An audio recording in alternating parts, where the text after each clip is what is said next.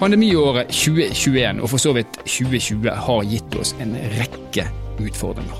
Blant alle de som har måttet omstille seg, finner vi også lederne og lederrollen. Det å skulle lede mennesker som er på hjemmekontor, eller det å lede mennesker gjennom lockdowns og permitteringer og det som verre er, det er krevende. Men da er det kanskje greit å vite at eh, lederrollen den har jo for så vidt alltid vært krevende. Og den har vært i konstant utvikling så lenge det har levd mennesker på jorden. Og det er nettopp lederrollen vi skal snakke litt mer om i denne episoden. Dette er Nord-Norge verden. Mitt navn er Stein Vidar Loftaas.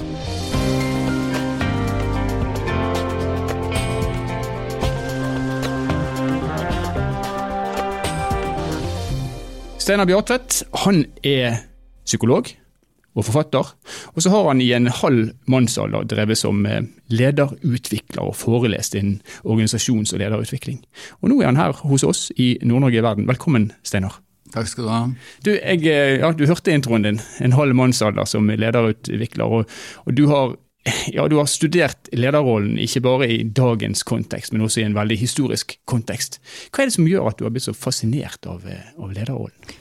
Fordi det er noe som er konstant i ledelse. Så selv om det utvikler seg og selvfølgelig forandrer seg med teknologi og forståelser, så er det noe som er helt konstant, og som gjør at du kan lese om ledelse 500 år tilbake, 2000 år tilbake, og du vil kjenne det igjen. Mm. Og, og, da finner du eksempler på ledelse som ikke nødvendigvis er riktigere eller bedre, men de har aspekter ved seg eh, og momenter ved seg som gjør at de er ganske så fascinerende å se på. Og, og, det er ikke sikkert at vi har sett de beste eksemplene på ledelse i vår tid. Det kan godt tenkes at det strekker seg tilbake. Hva er eksempler på det som er det konstante i ledelse? Det konstante i ledelse er egentlig to spørsmål. og Det er hvorfor ønsker du å være leder? Hvorfor tar du det på deg? Og hvorfor i all verden skal noen følge deg? Mm. Og de slipper ikke unna. Og til tider så glemmer vi det litt i vår tid, fordi ledelse har blitt en stilling. Og vi tror ofte at fordi du har fått stillingen som leder, så er du leder. Men det er helt feil. Du må gjøre deg fortjent til lederskap.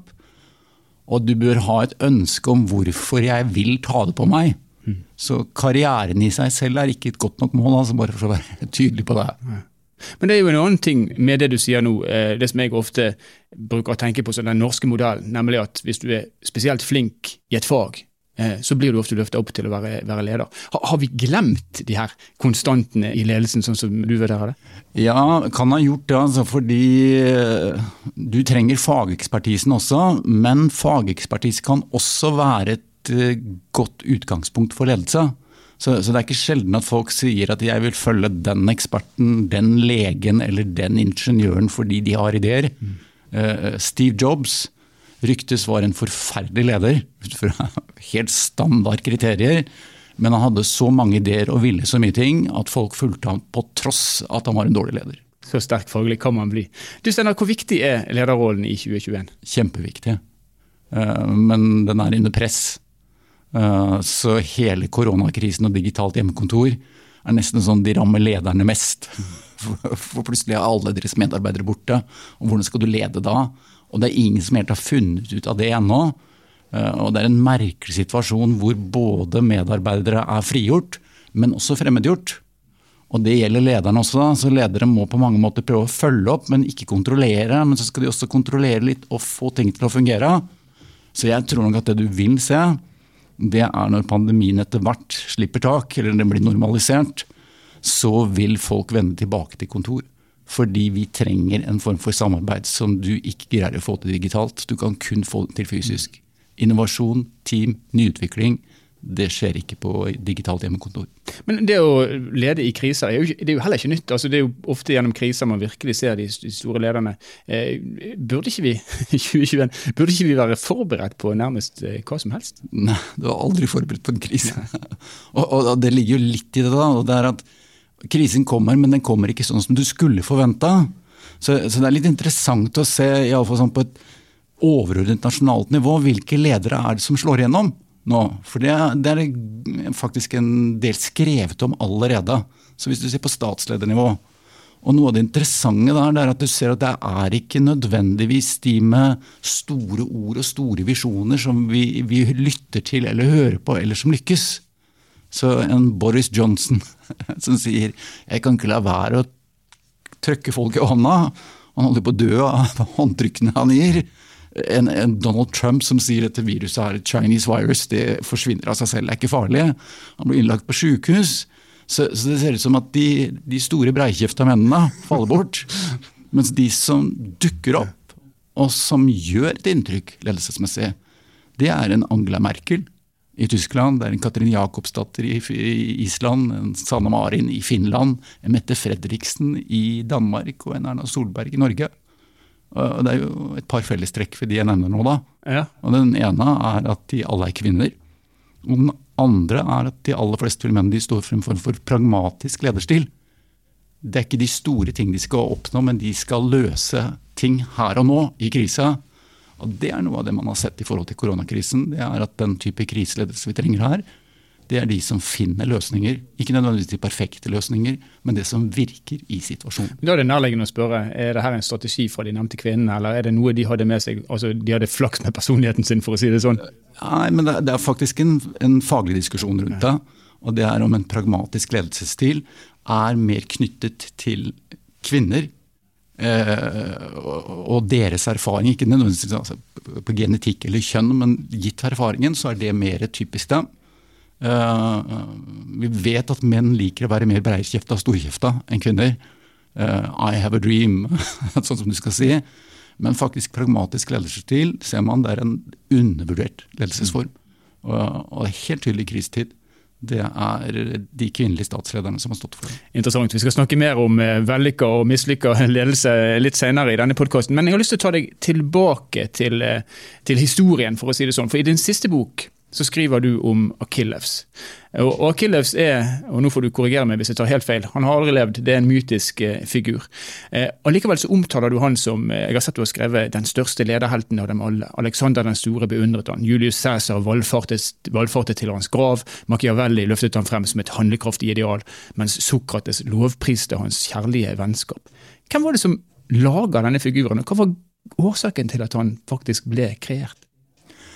Altså, han har sannsynligvis ikke levd, så han er sannsynligvis en sanktfigur. Men, men han fortelles om da, ganske mye. Eh, og, og, og, det er en vandrehistorie, omtrent som folkeeventyr i Norge, som til slutt blir skrevet ned av Asbjørnsen og Moe. Og den som skriver ned disse fortellingene om Akillevs, eh, det er en som heter Homer. Men man er ikke sikker på om han har levd heller. så det blir dobbelt vanskelig, da. Men for enkelhets skyld så kan vi si at det er han som egentlig har gjort det. Og de fleste vil i dag omtale han slik. Og han skriver to bøker. En som heter Iliaden, og en som heter Odysseen. Og begge de, disse to bøkene handler om Troja-krigen, som man tror, hvis den har vært, skjedde sånn ca. 1200 år før Kristus. Og han skriver 500 år seinere. Og den ene boken, Iliaden, handler om krigen og Akillevs. Den andre boken, Odysseen, handler om en annen stor helt der, som heter Odyssevs, og hans reise hjem. Hva er det med Akilles da som gjør at uh, han, han, har en sånn høy stjerne hos deg, som leder? Ja, He's simply the best, rett og slett. da.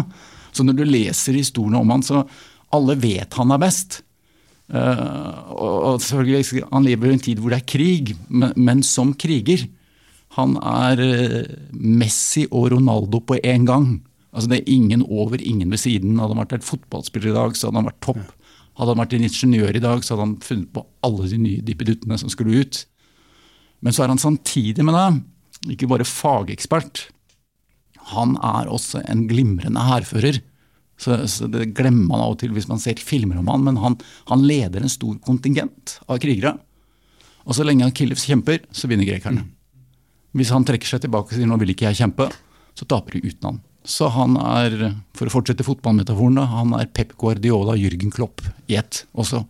Så han er både topp på ledernivå og topp som utøver. Og Hvis det hadde vært slik at uh, han ikke hadde vunnet alle disse slagene, så ville han vært en dårlig leder?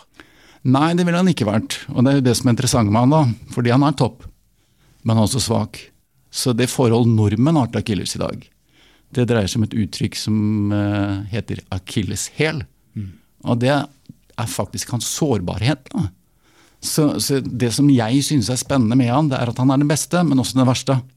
Så Når Homer skriver sin bok om han, så er det en bok hvor han egentlig fokuserer på svakhetene vel så mye som de store ting. Mm. Så Iliaden blir historien om Akillevs fall. Mm. Og, og, det han sliter med, det er ja, han har en hæl som er litt sårbar, men han har jo også karaktertrekk som ikke er bra. Så første setning i Iliaden er raseri, gudinne, syng til meg om Akilevs raseri. Så han, er, han blir litt sinna. Mm. Det er en del ledere som gjør det. Han er ikke bare sinna, han blir, han blir sur, furten. Altså. Uh, og så har han, han har glipp som gjør at han setter i gang en bevegelse hvor han mer og mer forsøpler seg selv og sin karakter som leder. Like fullt så er han den beste. Mm. Det er jo, sånn liker vi ikke å tenke i dag. Altså. Vi vil heller ha det svart-hvitt. Vi. Vi vil ha liksom, Enten så er du god, eller så er du dårlig. Og han er god og dårlig på samme tid. Og det er vel kanskje mer eh, lik virkeligheten, er det ikke det? Ja, Det vil jeg tro. De fleste vil kunne kjenne seg igjen i det. Men hvis vi da forutsetter at Akilles ikke har levd, ja men vi forutsetter at Homer har levd. Ja. Hensikten, altså hva, hva vil, ville Homer oppnå med å med definere denne formen for Man kan jo kanskje si lederfilosofi. Skrev han et eventyr, eller var det her på en måte gresk hovermål, for å si det sånn? Ja, det er nok nærmere gresk hovermål mm. enn ledelsesfilosofi. Men du kan ikke helt skille de to heller, altså. For, for, på den tiden så er man opptatt av å skrive om de store figurene mm. som har en betydning. Men, men eh, skal være klar over altså, det er folk som mener de to bøkene, 'Odysseen' og 'Iliaden', så sier man har du lest de to bøkene, så trenger du ikke lese mer i livet. For alt senere er nesten bare en omskrivning av de. Dette er grunnhistoriene. Og, og, og så fantastisk skrevet. Og samtidig som romaner, da. Så er de råsterke. Så, så jeg tenker ikke bare i historien, men i skjønnlitteratur så finner du fantastiske eksempler på lederskap. Så, altså for å ta et, eksempel fra vår tid. Jeg vet flere ledere som sier 'Le Miserable'. Enten du har lest boken eller bare sett musicalen. Synspunkter om ledelse er helt gjennomstrømmende i hele historien. Jean Valjean, bitter straffange som snur livet sitt, og den han blir påvirket av, er en biskop som han stjeler fra, men biskopen beskytter han når soldater vil ta han. Mm. Og det er mange som mener at både biskopen og Jean Valjean er glimrende ledereksempler. Så her, eh, Det er et direkte tips til alle dere ledere der ute, eller dere som vil bli ledere. Det fins lederfilosofi, både i romanutgaver og i mer typiske leder Eh. Du, hvis vi flytter oss ifra, ifra mm, fantasiverden, eller det er fælt å si det, men vi flytter oss ifra det her som vi da eh, ikke er helt sikre på om har eksistert, og over til den virkelige verden. Hvis du ser på historien, og dette vet jeg du har studert, hvem er det som peker seg ut som spesielt gode ledere, og hvorfor? Ja, så, du forberedte meg jo på dette spørsmålet, da, så, jeg, så jeg svarer litt kjapt fordi jeg har tenkt gjennom det. Jeg ville nok endt opp med to personer som er ganske forskjellige. Og, og den ene er Julius Cæsar, for det han har folk hørt om. Den andre er en som het Lorenzo de Medici, som var Firenzes skjulte bakspiller i renessansen, som var kreativitetens tidsalder. De to. Ja, Og en kort redegjørelse for hva som gjør disse så spesielle? Det er på to forskjellige ting, da. Og også disse er nesten like Akilles. De har både sine sterke sider og sine svake sider. Så det går an å kritisere dem for mye. av. Julius Cæsar syns jeg er en fascinerende historie, fordi det er om en som er en outsider. Og som ser at Roma, Romerriket, må endres. Altså, det går ikke å fungere lenger sånn som det er. Og han kjemper mot the establishment for å få det til.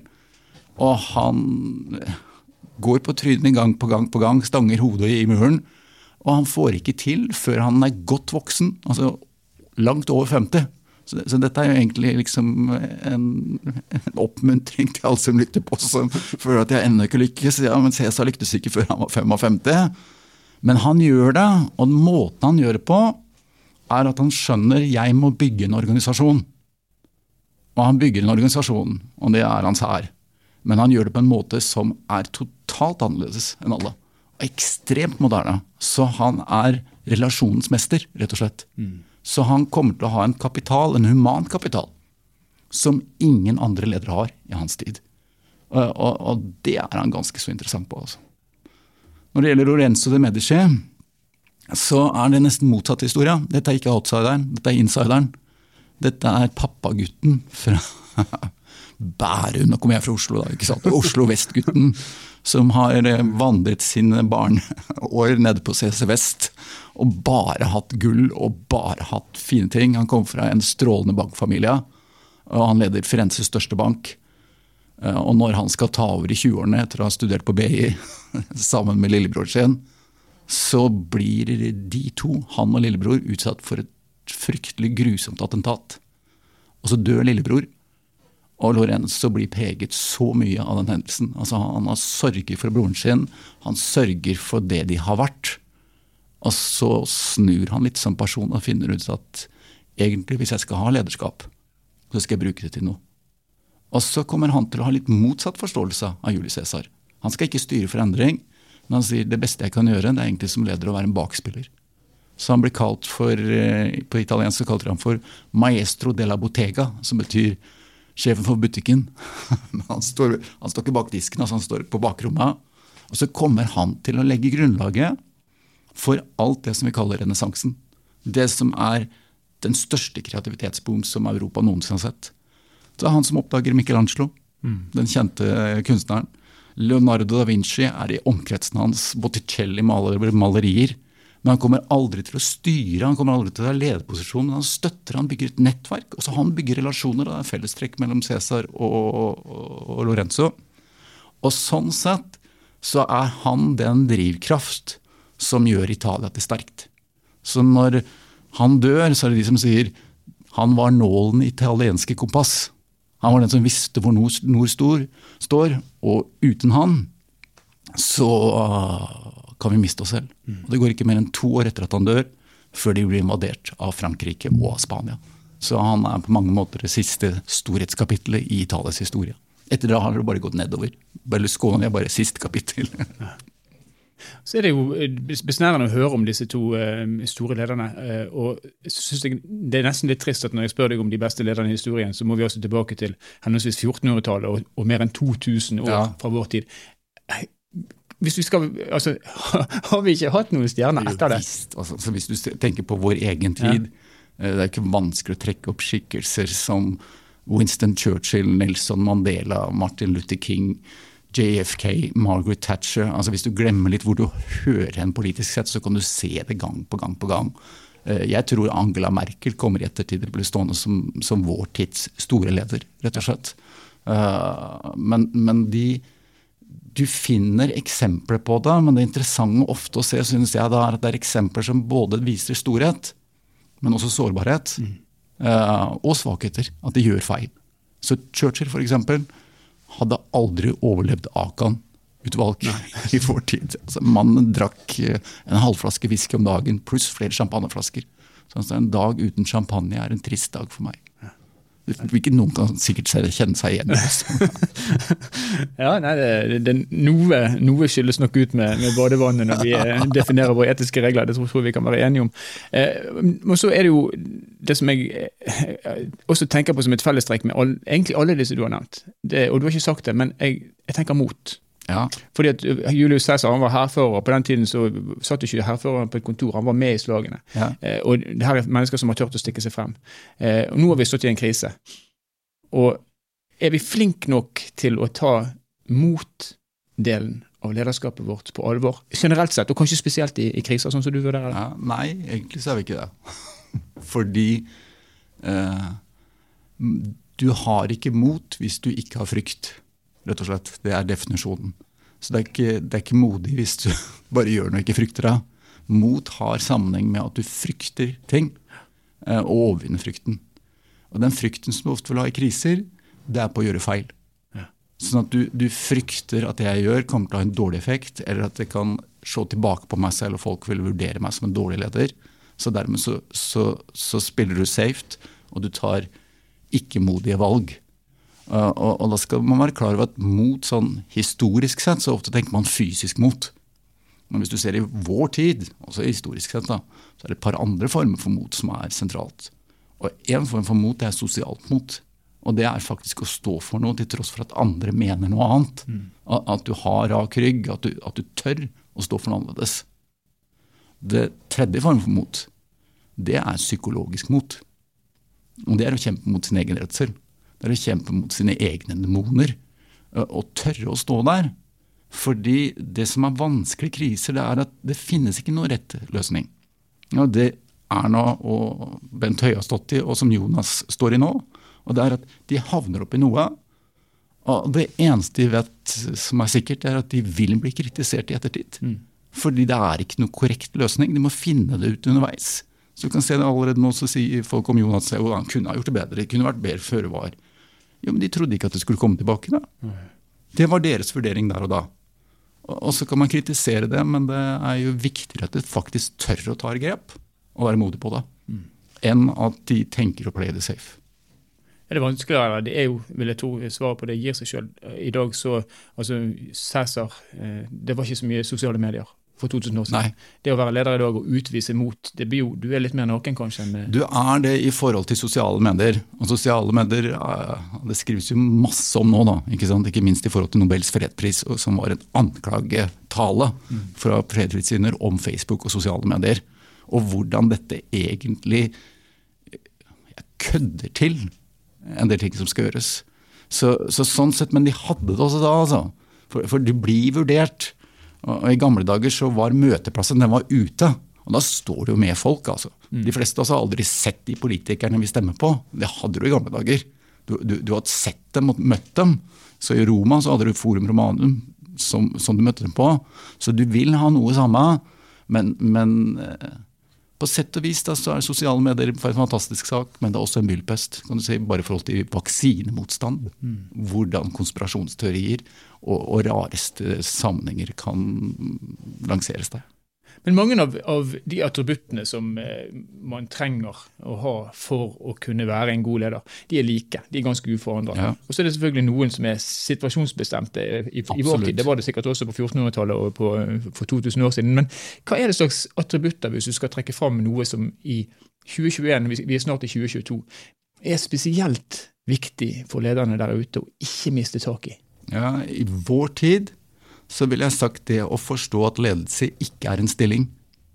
Ledelse er en vilje til å, å skulle få til noe. Det, det, mener jeg er det aller viktigste, og det er egentlig ikke en attributt. Det er nesten en forståelse av seg selv i forhold til hva man skal gjøre. Men, men jeg er redd for ledere som tror at de kan ha en masterutdanning eller en bachelorutdanning, og det gjør dem til ledere. Jeg vil ha ledere som ønsker å få til ting. Enten det er store eller små resultater, men de skal brenne for noe. Og, og Det gjør også at man skal være klar på at hvis du vet det, så kan du faktisk utrette store ting som leder. Mm. Uh, I den posisjonen. Men det er ikke sikkert du kan ha en hvilken som helst lederposisjon. Og det er ikke sikkert at du kan gjenta det flere ganger. Altså. For på mange måter så tenker jeg på lederskap som en form for at du med dine viljer, ønsker, hva du vil få til og dine egenskaper, er i beste fall en perfekt match med en organisasjon, et miljø, en tid, noen utfordringer som gjør at du får virkelig brukt deg selv som leder. Og Det tror jeg de som har vært ledere kan kjenne seg igjen i. De vet at i noen posisjoner så har jeg virkelig fått tatt ut det jeg har å by på, mens i andre situasjoner så har jeg ikke fått det til. Uh, og salig er den, for å bruke et bibelsk uttrykk, som havner i en slik posisjon. For da får du brukt deg selv. Og det å være bevisst at jo, noe i ledelse er universelt, men noen ting er også veldig situasjonsbestemt, kontekstuelt. Og det å finne ut hvor er det jeg kan bruke meg, da. Hvor er det sentrale? En god dose flaks kanskje med tanke på timing og sånn? Alltid. Har du noen eksempler på ledere som har lykkes nærmest uansett tid og sted? Ja, hvordan tenker du da? Altså Noen som har uh, lykkes i en rolle, flytter seg til en annen, lykkes, ja. altså Tja. Nei, jeg finner ikke på noe her og nå, egentlig. Altså, jeg, jeg, tror at det, det, er en feil forståelse av ledelse. Mm. Så I gamle dager i Norge så hadde du noe som het Kenningsskolen, Akerskolen, hvor Heiberg og Carl Glad og de gikk. Og de ble lært opp til at kan du lede ett sted, så kan du lede alle steder. Og det er man ganske klar på i ledelseslitteratur er fullstendig feil. altså. Eh, men det er greit for ledere å tro på det. For da kan man tro at man tilhører en elite som er bedre bemidlet enn andre. José Mourinho, tenkte jeg på da umiddelbart. du, eh, vet du hva, Vi skal begynne å gå inn for, for landing, selv om jeg kunne snakka med deg i timevis om dette. her. Du har, eh, du har, nevnt noen av lederheltene dine. Det tror jeg, eh, Hvis ikke jeg har mistolka deg, så har du, har du, gjort det. Vi har hørt Julius Cæsar, vi har hørt Il Magnifico, og vi har hørt om Winston Churchill og de mer kjente i vår dag. Hvem er lederskurken da, over alle lederskurkene? Donald Trump. Du mener, mener det? Ja, det altså. Når du spør meg om det, det første, det første ansiktet som dukker opp, er han. Det er fordi han er så klart til stede i vår historie. Ja. Men, men, hele altså, Det er noe fundamentalt galt med en person som greier å bruke sine fortreffelige egenskaper, for han har det, rett og slett. Altså, han er en rådyktig retoriker. Kjempebra på å sense hvor folk er og hva de trenger. Men det er noe fundamentalt galt med en som har tapt et valg, og egentlig vet at det er tapt på fair vis, mm. som konstruerer en sannhet om at the vote was stolen. Og han får sine tilhengere til å marsjere mot det aller helligste i amerikansk republikansk tenkning, får dem til å storme Kapitol. Da, da, da, undergraver han alt som lederskap er om. Og, og, han gjør ting som sannsynligvis kommer til å ha effekt i lang tid for USA fremover. Så Det er interessant at du sier at han er en glimrende retoriker. Er man en god retoriker når man anvender sine retoriske evner Hvis du feil? kun ser på det som et middel, så vil du kunne si det. Altså kan, for jeg tenker at Noe av det farlige blir å demonisere han. Man må se at han faktisk er ganske god på en del ting. Uh, han, er han, er skurk også, ikke sant, ville jeg sagt, på andre ting. Men, men han, han, har egenskaper og kvaliteter som gjør at tross alt så vil 60-70 millioner amerikanere stemmer på han og noen mener at han er Messias. Fascinerende og skremmende på en gang. Eh, Steinar, vi står ennå i en pandemikrise. Jeg hadde ikke trodd at jeg skulle si det nok en gang på Nord-Norge verden, men det gjør vi. Hva er det viktigste for alle ledere som hører på denne podkasten nå, i den nære fremtiden vår? Bann høyt og lenge før jula kommer, og vær skikkelig forbanna over at det skjer enda en gang til. Men så må du finne en styrke i deg til faktisk å kunne ta lederrollen i det som skjer. Det er jeg vet ikke om jeg kan si det her, men det er for jævlig, det som skjer.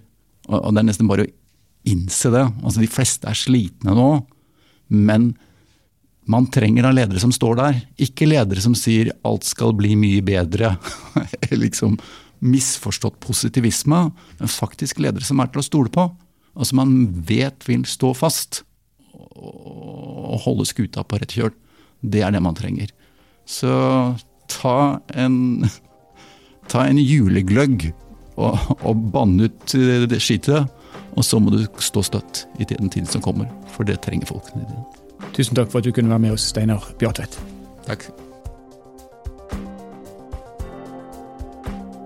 Så lederrollen den har altså vært i utvikling antakeligvis så lenge så det har vært mennesker på kloden. Og den utvikler seg fortsatt.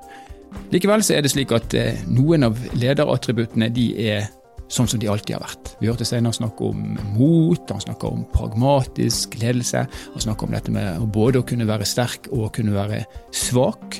Eh, det er ting som ikke går av moten, og som kommer til å være viktig også i det videre. Og så vet vi at vi står fortsatt i en krise, og jeg gleder meg veldig til den episoden kommer der jeg ikke lenger trenger å si dette. Men kriser det krever noe ekstra av de som er ledere.